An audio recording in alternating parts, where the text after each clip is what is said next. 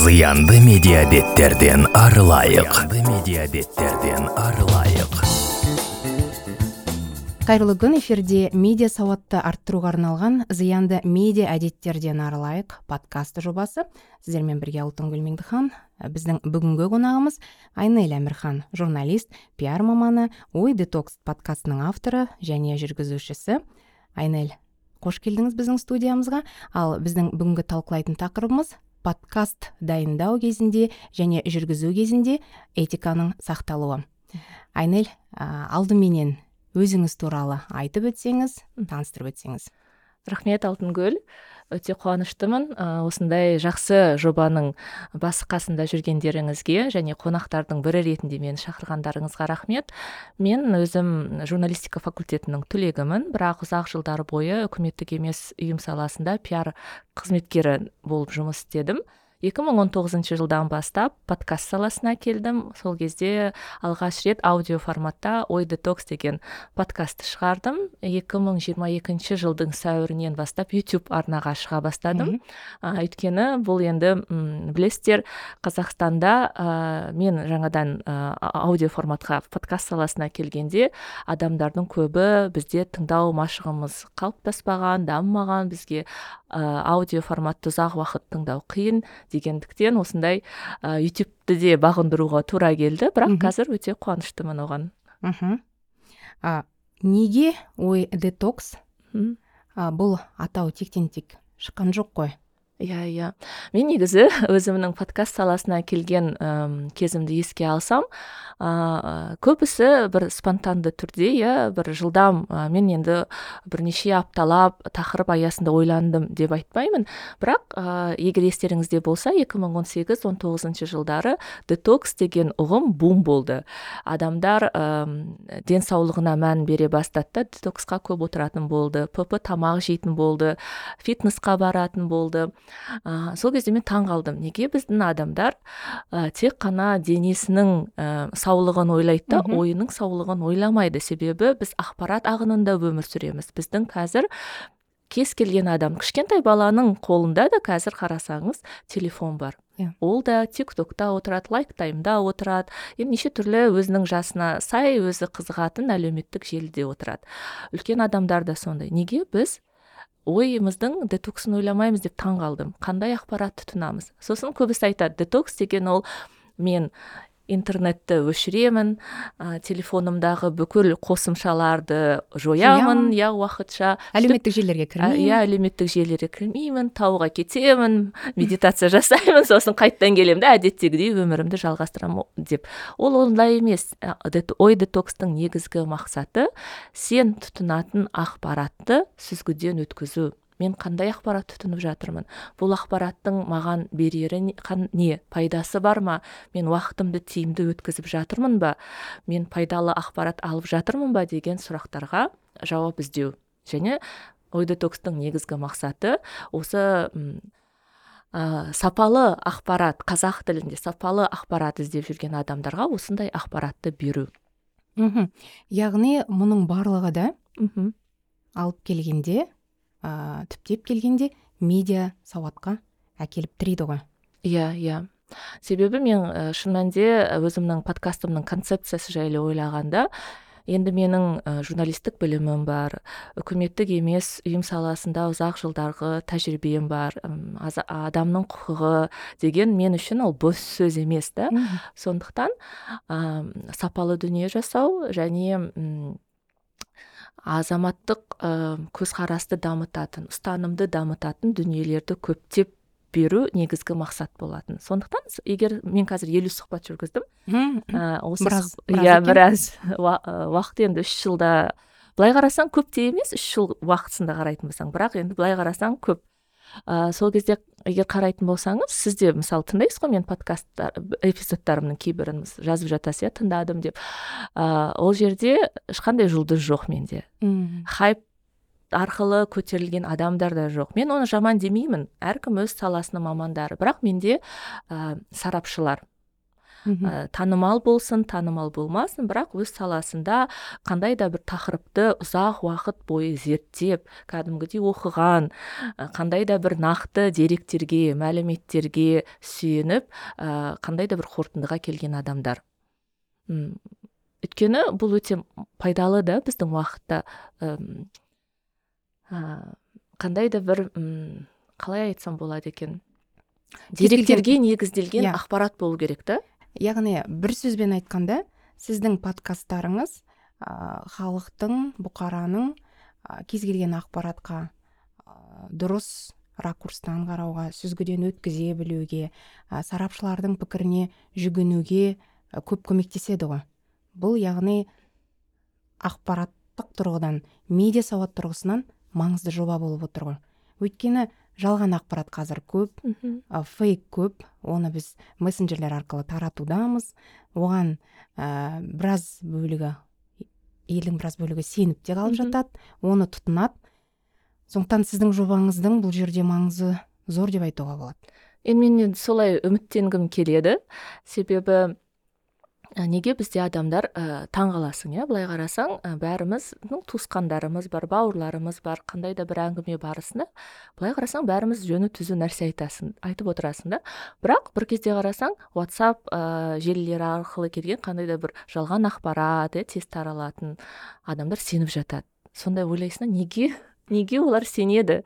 Ә, неге ә, мысалы сыни көзбен қарамайды. сыни көзбен қарамайды. Немесе ә, осы салада көбірек білімі бар ау деп ойлайтын адамнан ақыл кеңес сұрамайды. Бізде ә, авторитет жоқ та адамдарда. Бірақ ә, танымайтын бір адам жібере салған ә, жүз адам арқылы жеткен хабарға сену күші өте жоғары. Мысалы осы феномен мен үшін өте қызық.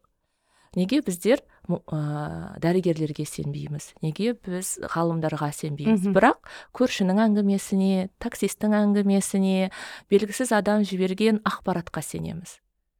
Мен үшін мысалы бұл әлі күнге дейін жауабы жоқ нәрсе. Мысалы жақында мен өзімнің ой детокс подкастыма жаңа қонақты ә, шақырайын дедім да. Ол маған өте қызық. Бірақ ә, мен мысалы оның айтатын кейбір ақпараттарына күмәнмен қарадым. Сосын өзімнің жасы кіші сіңлілеріме ә, өйткені ол енді әйелдерге арналған ә, ақпаратты көп айтады. Ә, жібердім. Осы қызды танисыңдар ма? Осы келіншекті танисыңдар ма? дегенде олар айтты иә ол күшті кісі ғой ол бар ғой дейді. Сіз айтатын ақпаратты айтады дейді. Бірақ біз сізге сенбейміз ғой. Сіздің айт, сенбейміз демейді біз сіздің айтқаныңызға құлақ аспаймыз ғой дейді. Бірақ анау кісі сіздің айтатыныңызды айтады бірақ андай игровой формада агрессивті кейде формада кейде қандай да шоу элементтерін қолданып кейде өте қарабайыр сөздерді қолданып бірақ сіздің айтатын нәрсені сол кісі айтқан кезде біз сізге құлақ аспасақ та анау кісіге құлақ асамыз дейді. Жеткізу шеберлігі жоғары. Жеткізу шеберлігі жоғары. Сосын мен ойлаймын біз кейде ö- сарапшылар иә қандай да бір ә, дұрыс тексерілген ақпаратты айтатын сарапшылар біз үлкен қалың массамен жұмыс аудиториямен жұмыс істеу әдісімізді кішкене мүмкін өзгертуіміз керек шығар. Жоқ мен андай элементтерді қолданбаймын. Себебі мен мынандай сарапшымын ғой менің Иә. бір қатып қалған шетелден алып келген дипломым бар ғой мен ә, тәжірибем бар ғой деп қатып қалмауымыз керек шығар деген мысалы менде қазір ой пайда болды. Мгм. өйткені біздің мақсатымыз жаңағы жалған ақпаратпен күресу. Бірақ біз жалған ақпаратпен басқаша техникаларды өзіміз ә- осы күнге дейін қолданып келген әдістерді месседждерді қолдану арқылы ә, біз м, жаңағы жалған ақпарат тарататын адамдардың әдісімен күресе алмайды екенбіз. Мхм. Солай енді. Яғни басқаша тәсіл керек қазіргі уақытта. Иә. Басқаша бір креативті тәсілдер мхм ә, соның барлығы керек. Ал сіз өзіңіз ым, подкастқа дайындалатын кезде жалпы қандай дайындық жұмыстарын жүргізесіз? Ә, және этиканың сақталуына мхм қаншалықты мән бересіз? Иә. Мен ә, енді подкаст деген ол негізі өте жеңіл жанр да? Жеңіл еркін жанр деп айтайын иә? Өйткені қандай да бір шектеулер жоқ. Ә, келген қонағың жата ма? Аяғын көтеріп отыра ма? Боянып келе ма? Боянбай келе ма? Мысалы мен қазір сізге тренировкадан келіп отырмын да? Ә, сондай еркін жанрда еркін формат. Яғни бұл жерде ең құндылығы еркіндік.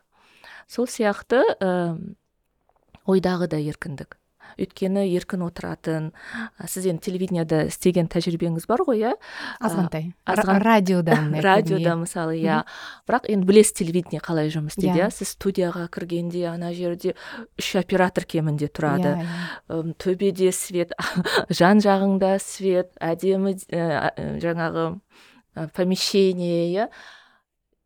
Қатып қаласың. Иә егер сен ол жерде жұмыс істемесең қандай еркіндік артық сөз айтуға қорқасың ана жерде. Ал подкасттың форматы еркіндік ой еркіндігі сөз еркіндігі. Ә, және ә, мен мысалы осы еркіндікті аурасын сақтап қалу үшін ә, шақыратын қонақтарыммен міндетті түрде алдын ала кездесемін. Кейде бір рет кейде бірнеше рет. Себебі ә, бір ақ сағат біріншіден кез келген адамды мен шақыра бермеймін.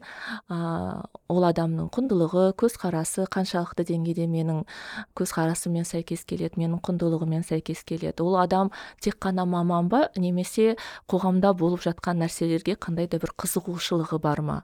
Ол да мен үшін өте маңызды. Ә, сондықтан мен ол адамдармен алдын ала кездесемін кофе немесе шай ішемін әртүрлі тақырыптар аясында сөйлесемін. Екіншіден мен міндетті түрде келген қонақтарымнан сұраймын. Сізге қандай тақырыптар аясында ә, сөйлескен ыңғайсыз сөйлескіңіз келмейді деймін және ол айтса айнель мен мысалы жеке өмірім жайлы айтқым келмейді. Мен саяси көзқарасым жайлы айтқым келмейді. Мен дін жайлы сөйлескім келмейді дейтін адамдар бар. Онда мен сол тақырыптар тіпті менің жаңағы дайындалып қойған скриптімда ол сұрақтар болса да мен ол сұрақты мүлде қоймаймын. Себебі мен үшін маған уақытын бөліп келген жаңағы мені сыйлап келген қандай да біліммен бөліскісі келіп келген бөліскісі келіп келген адамды мен сыйлаймын. Мен құрметтеймін және оған эмоционалды тұрғыда қауіпсіз орта қалыптастыру ол менің жүргізуші ретіндегі міндетім. Ал сіз байқайсыз ба рейтинг қуам деп ә, жүргізушілер кейде осы принциптерді бұзып жатады этика принциптерін? Яғни кейде уәде беріп алып мүмкін ол сұрақты қойып та жіберуі мүмкін. Мүмкін ол тікелей эфир болуы да мүмкін иә?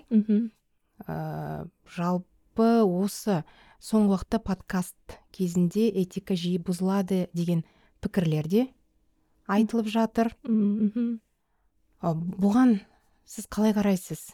Бұған қалай тосқауыл қоюға болады? Әлде ә, рейтинг үшін этика бұзатындар өз енді мен өз бағытымен жүре бере ме? Біз енді қазір кішкене құндылықтар шатасып кеткен ауысып кеткен уақытта өмір сүреміз да. Бізде қазір маңызды кейде адамның не айтқаны емес ә, жаңа қанша адам оны қарағаны иә бізге сандар маңызды да. Ол. Иә. ірі корпорация болсын ірі арналар болсын ә, холдингтар болсын қарапайым подкастерлер болсын. Мысалы мен де талай айтып жүрмін мен де мүдделімін қаралымға мен де таралымға yeah, мүдделімін иә. керек. Маған да рейтинг керек. Бірақ маған ең бас ә, ол оның тіпті қатты маңызды емес маған ең басында репутация қажет та имидж керек. Себебі ә, ой детокс ол өте қаз, біріншіден тұрақты түрде қазақ тілінде шығып тұратын подкаст екіншіден ол сапалы подкаст иә. Міне осы екі критерия адамдардың ойында қалу үшін мен ешқашан рейтинг қумаймын. Себебі маған ә, маңызды сапа. Ал ә, мен енді өзіме би өзіме қожамын иә.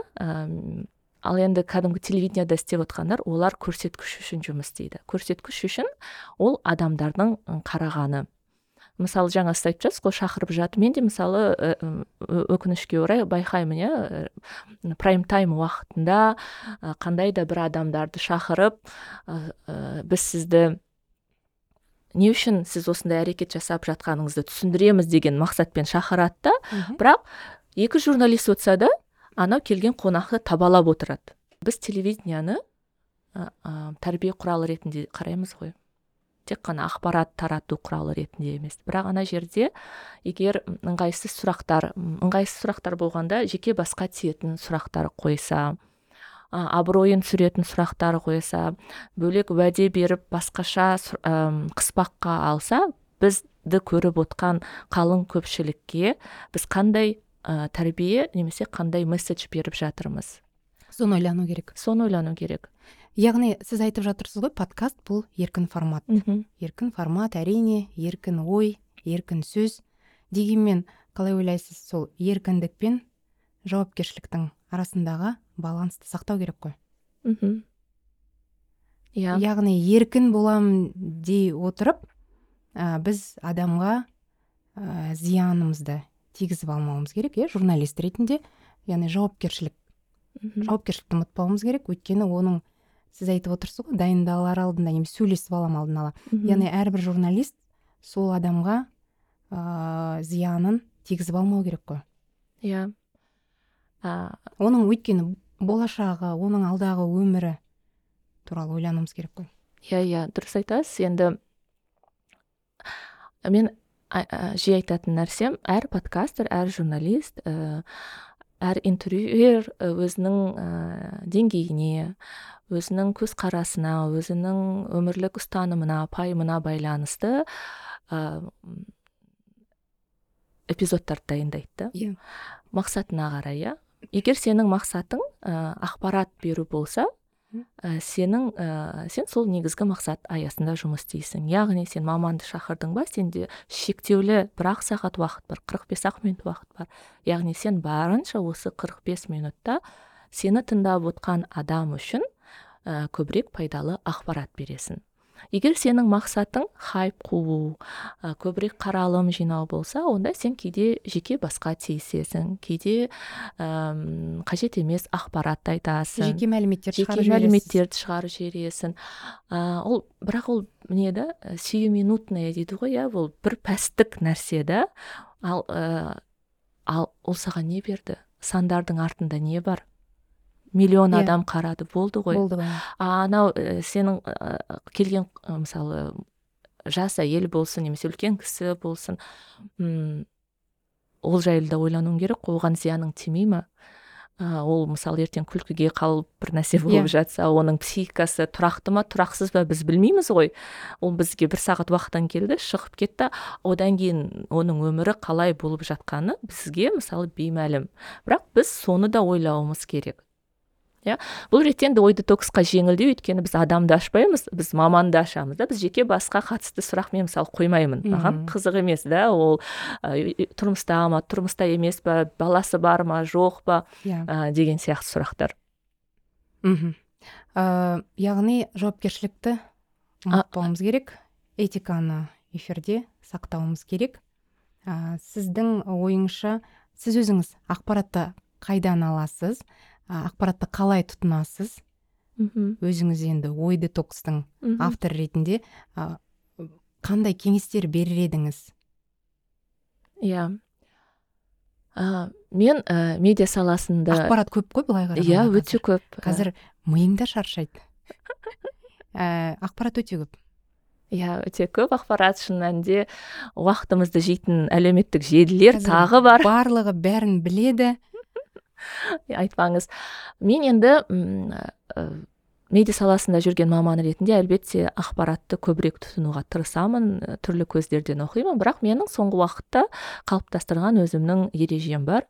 Мен әм, аптасына бір ақ рет дүйсенбі күні ә, кәдімгідей менде бөлінген уақыт түрлі сараптамалық бағдарламаларды түрлі үлкен үлкен сұхбаттарды тек қана дүйсенбі қараймын. Кәдімгідей ол маған жұмыс күні отырамын ә, апта бойы елдердің жазған мынаны қарау керек еді мынау күшті шығыпты деген бәрін түртіп аламын да сосын ә, бәрін қараймын. Дүйсенбі күні ақпарат қабылдау күні иә. Сосын ә, әлеуметтік желіде де ә, телеграм арналарда да қазір енді телеграм арналар арқылы көбірек ақпарат аламыз ғой. Мен бірнеше ғана медиа құралдарын қалдырдым. Соларға ғана кіремін. Онда да азанда мысалы таңғы ас ішіп отырғанда ә, жарты сағат уақытымды бөліп бәрін сүзгіден өткізіп қарап шығамын.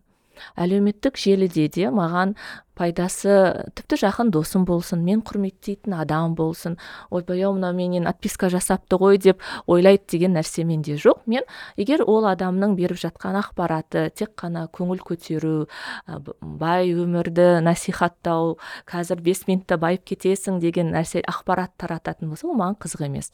Мен міндетті түрде әлеуметтік желімді тазалап отырамын. Ә, сосын альтернативті баламалы пікір беретін ә, бұқаралық ақпараттарды көбірек ә, тыңдаймын оқимын.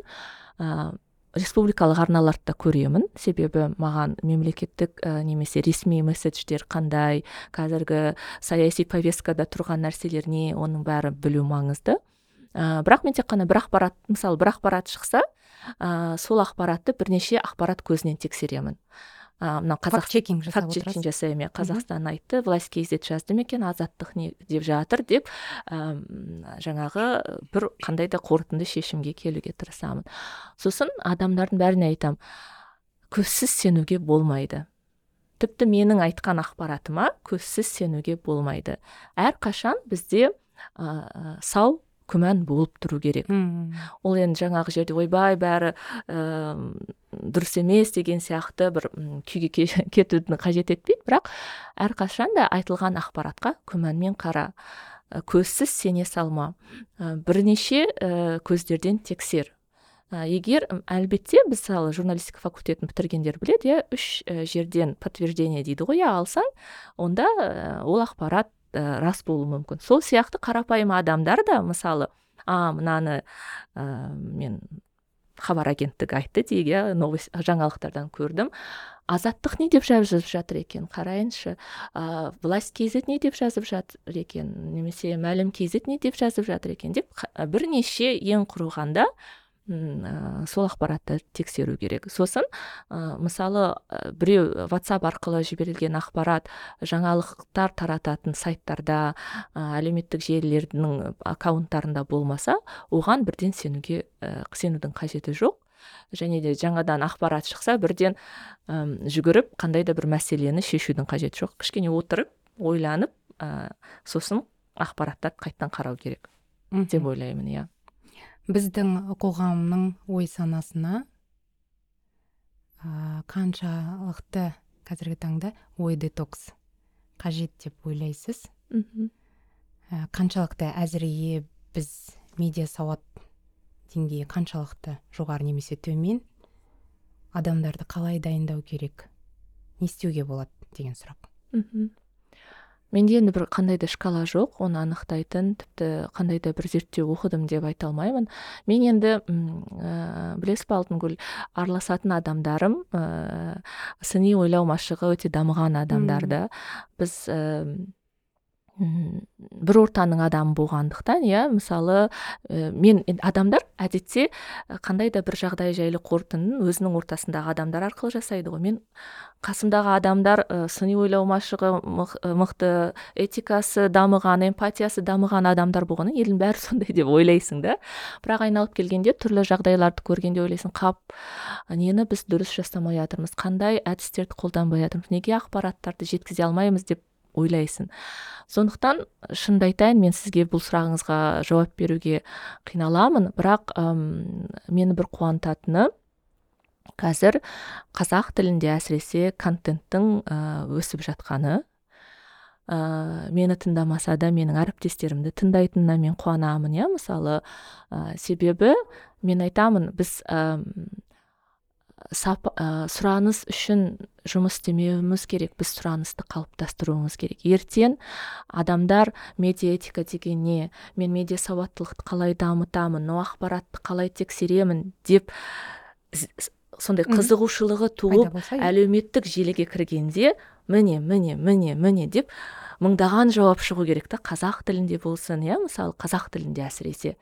Сондықтан біз қазір ойбай бізді көрмейді ойбай бізді оқымайды медиаэтикамен ешкім қызықпайды сондықтан мен жасамаймын деген нәрсе болмау керек. Біз жасауымыз керек. артқа қайтпау керек иә біз жасауымыз керек. Себебі ертең біздің іні сіңлілеріміз ә, сіздер не істеп жүргенсіңдер деп айтпау керек та бізге. Олар оларда міндетті түрде ол сұрақ болады мына ақпараттық кеңістікке не болған деп. Иә. Және біз оған жауапты боламыз? біз иә сондықтан біз қазірден бастап сұраныс жоқ екен сондықтан мен жаңағы хайп тақырыптарды көтере берейін деп жүрмеуіміз керек. Біз сұранысты қалыптастыруымыз керек біз соған жұмыс істеуіміз керек және ертең адамдар іздегенде оларға жауап табатындай материал жасауымыз керек. Біздің міндетіміз осы. Мхм рахмет айнель. Сөз соңында біздің тыңдармандарға не айтасыз? Ә, кеңестеріңіз ә, подкаст дайындағысы келетін жас буынға айтарыңыз бар ма? Ә, негізі егер ойларыңызда қандай да бір дүние болса қорықпай жасаңыздар.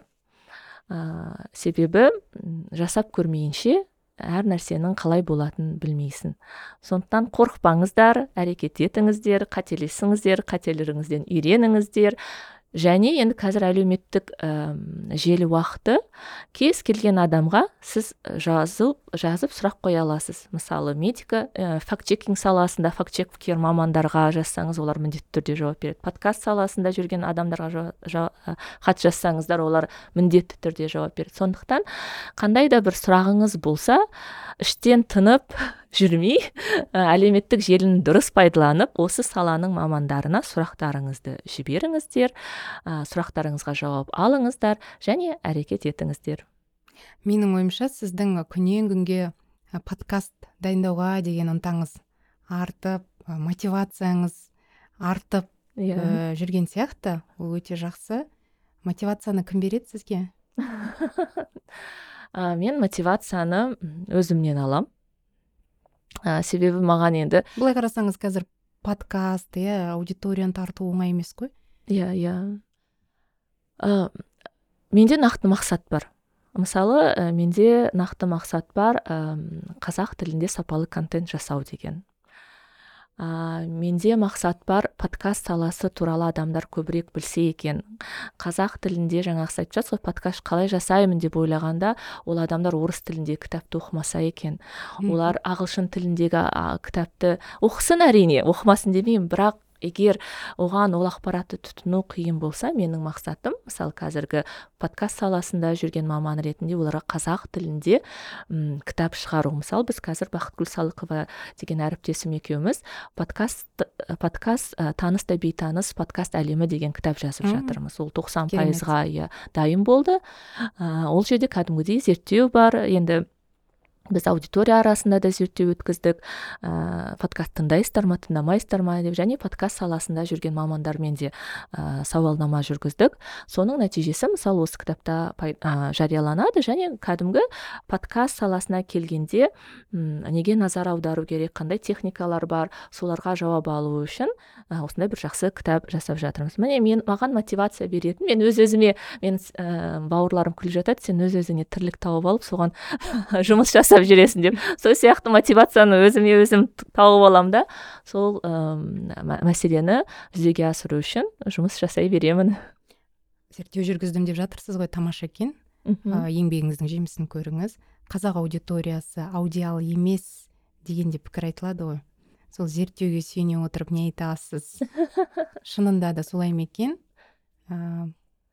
бізде қазір аудиал енді бізден қайтадан айтайын енді нақты статистика жоқ. Жалпы бізде yeah. Иә. айтады ғой иә неге пиар саласында маркетинг саласында жүрген адамдар қандай да бір продукт жасағанда көбінесе визуалдарға арнап жасайды. Себебі бізде аудиалдар өте аз. Яғни экономикалық тұрғыдан ә, пайда аз көреміз деп ойлайды. Бірақ мысалы мен подкаст саласына 2019-да келдім. Ә, мен мысалы өзім 2017-ден бастап подкастты белсенді түрде тыңдай бастадым иә. Ә, және қазір мысалы бұрында подкаст десең адамдар ол не қалай тыңдаймын деген сияқты ә, танымдық жұмысты көбірек жүргізуіміз керек болатын. Қазір құдайға шүкір оны біледі адамдар кем дегенде бір болсын екі болсын подкастты тыңдау тәжірибесі бар. Ә, бірақ бұл жерде жанр тазалығына қайтып келетін болсақ ә, танымалдықты арттыруға видео подкасттар дейді ғой қазір иә? Зор үлес қосты. Бірақ олар ә, тек қана видео арқылы таралған ақпарат ол өкінішке орай подкаст болмайды. Подкасттың кәдімгі өзінің жазылған ережесі бар. Мысалы қазір сіздің жасап жатқаныңыз дұрыс дүние да сіз әм, аудио форматта жазасыз rss файл арқылы түрлі файл подкаст тыңдайтын қосымшаларға таратасыз. Міне нағыз шынайы подкаст осы. Ал адамдар көбінесе жаңағы замандас шықты иә тимур балымбетовтің каналы шықты дөп сөз шықты. Олар көбінесе дөп сөзді нақты білмеймін бірақ енді көбінесе әсіресе телевидение саласында жүретін мамандар видеоға шығады да. Біз видео подкаст жасап жатырмыз. Біз еркін біз біз, біз еркін отырмыз микрофон ә, құлағымызға құлаққап киіп отырмыз деп ойлайды да. Ол дұрыс емес. Ә, дұрыс нәрсе яғни ол рсс арқылы таралатын. Бұл да мысалы медиа сауаттылық. Және мен кейбір әріптестеріммен кейде осыған да сөзге келіп жатамыз. Себебі олар айтады біз сауаттандыруымыз керек біз оларға видеоны ұсынып бұны подкаст деген жалған ақпарат таратпауымыз керек дейді. Ә, бірақ кейде танымалдылықты арттыру жаңағы подкасттың не екендігін түсіндіру кезінде осындай әдістерді мүмкін қолдану керек шығар. Бірақ қазір мысалы біз енді көп күш қуат жұмсап адамдарға түсіндіріп жатырмыз да подкаст дегеніміз ол аудио форматта шығатын дүние деп. Сондықтан қазір құдайға шүкір аудиалдар көбейіп жатыр. Ә, өйткені адамдар кітап та тыңдайды аудио, аудио арқылы ә, подкаст та тыңдайды тіл үйреніп жатқан адамдар ә, тыңдау машығын дамытады. Қазір енді менің ішкі шкалам бойынша ішкі сезімім бойынша олардың қатары әлде қайда көп. Күн санап артып келе жатыр. Иә. Рахмет айнель әңгімеңізге. Ә, құрметті біздің тыңдармандар ә, сіздің енді бүгінгі біздің қонағымыз айнель әмірхан. Айнель енді тыңдармандарға айтар бір бір ауыз сөзіңіз болса айтып жіберсеңіз болады. Сұхбатымызды аяқтайық деп едік. Мен сіздерге қазақ тілінде контентті көбірек тұтынуға шақырамын қолдауға шақырамын. Мысалы медиа сауаттылық жайлы шығып жатқан осы подкастқа міндетті түрде жазылыңыздар лайк басыңыздар комментарий қалдырыңыздар достарыңызбен бөлісіңіздер. Себебі бұның бәрі осы подкасттың танымалдылығын арттыруға көмектеседі. Екіншіден медиа сауаттылықтың замандастарымыздың арасындағы медиа сауатының дамуына өз үлесін қосады. Және меніңше бұл өте пайдалы ақпарат. Сондықтан ә, андай іштарлық танытпаңыздар өзіңіз тыңдадыңыз ба екінші адаммен бөлісіңіздер. Рахмет көп көп. Әнел сізге тек сәттілік тілейміз. Құрметті біздің тыңдармандар бүгін біздің подкаст жобамыз бұл зиянды медиа әдеттерден арылайық.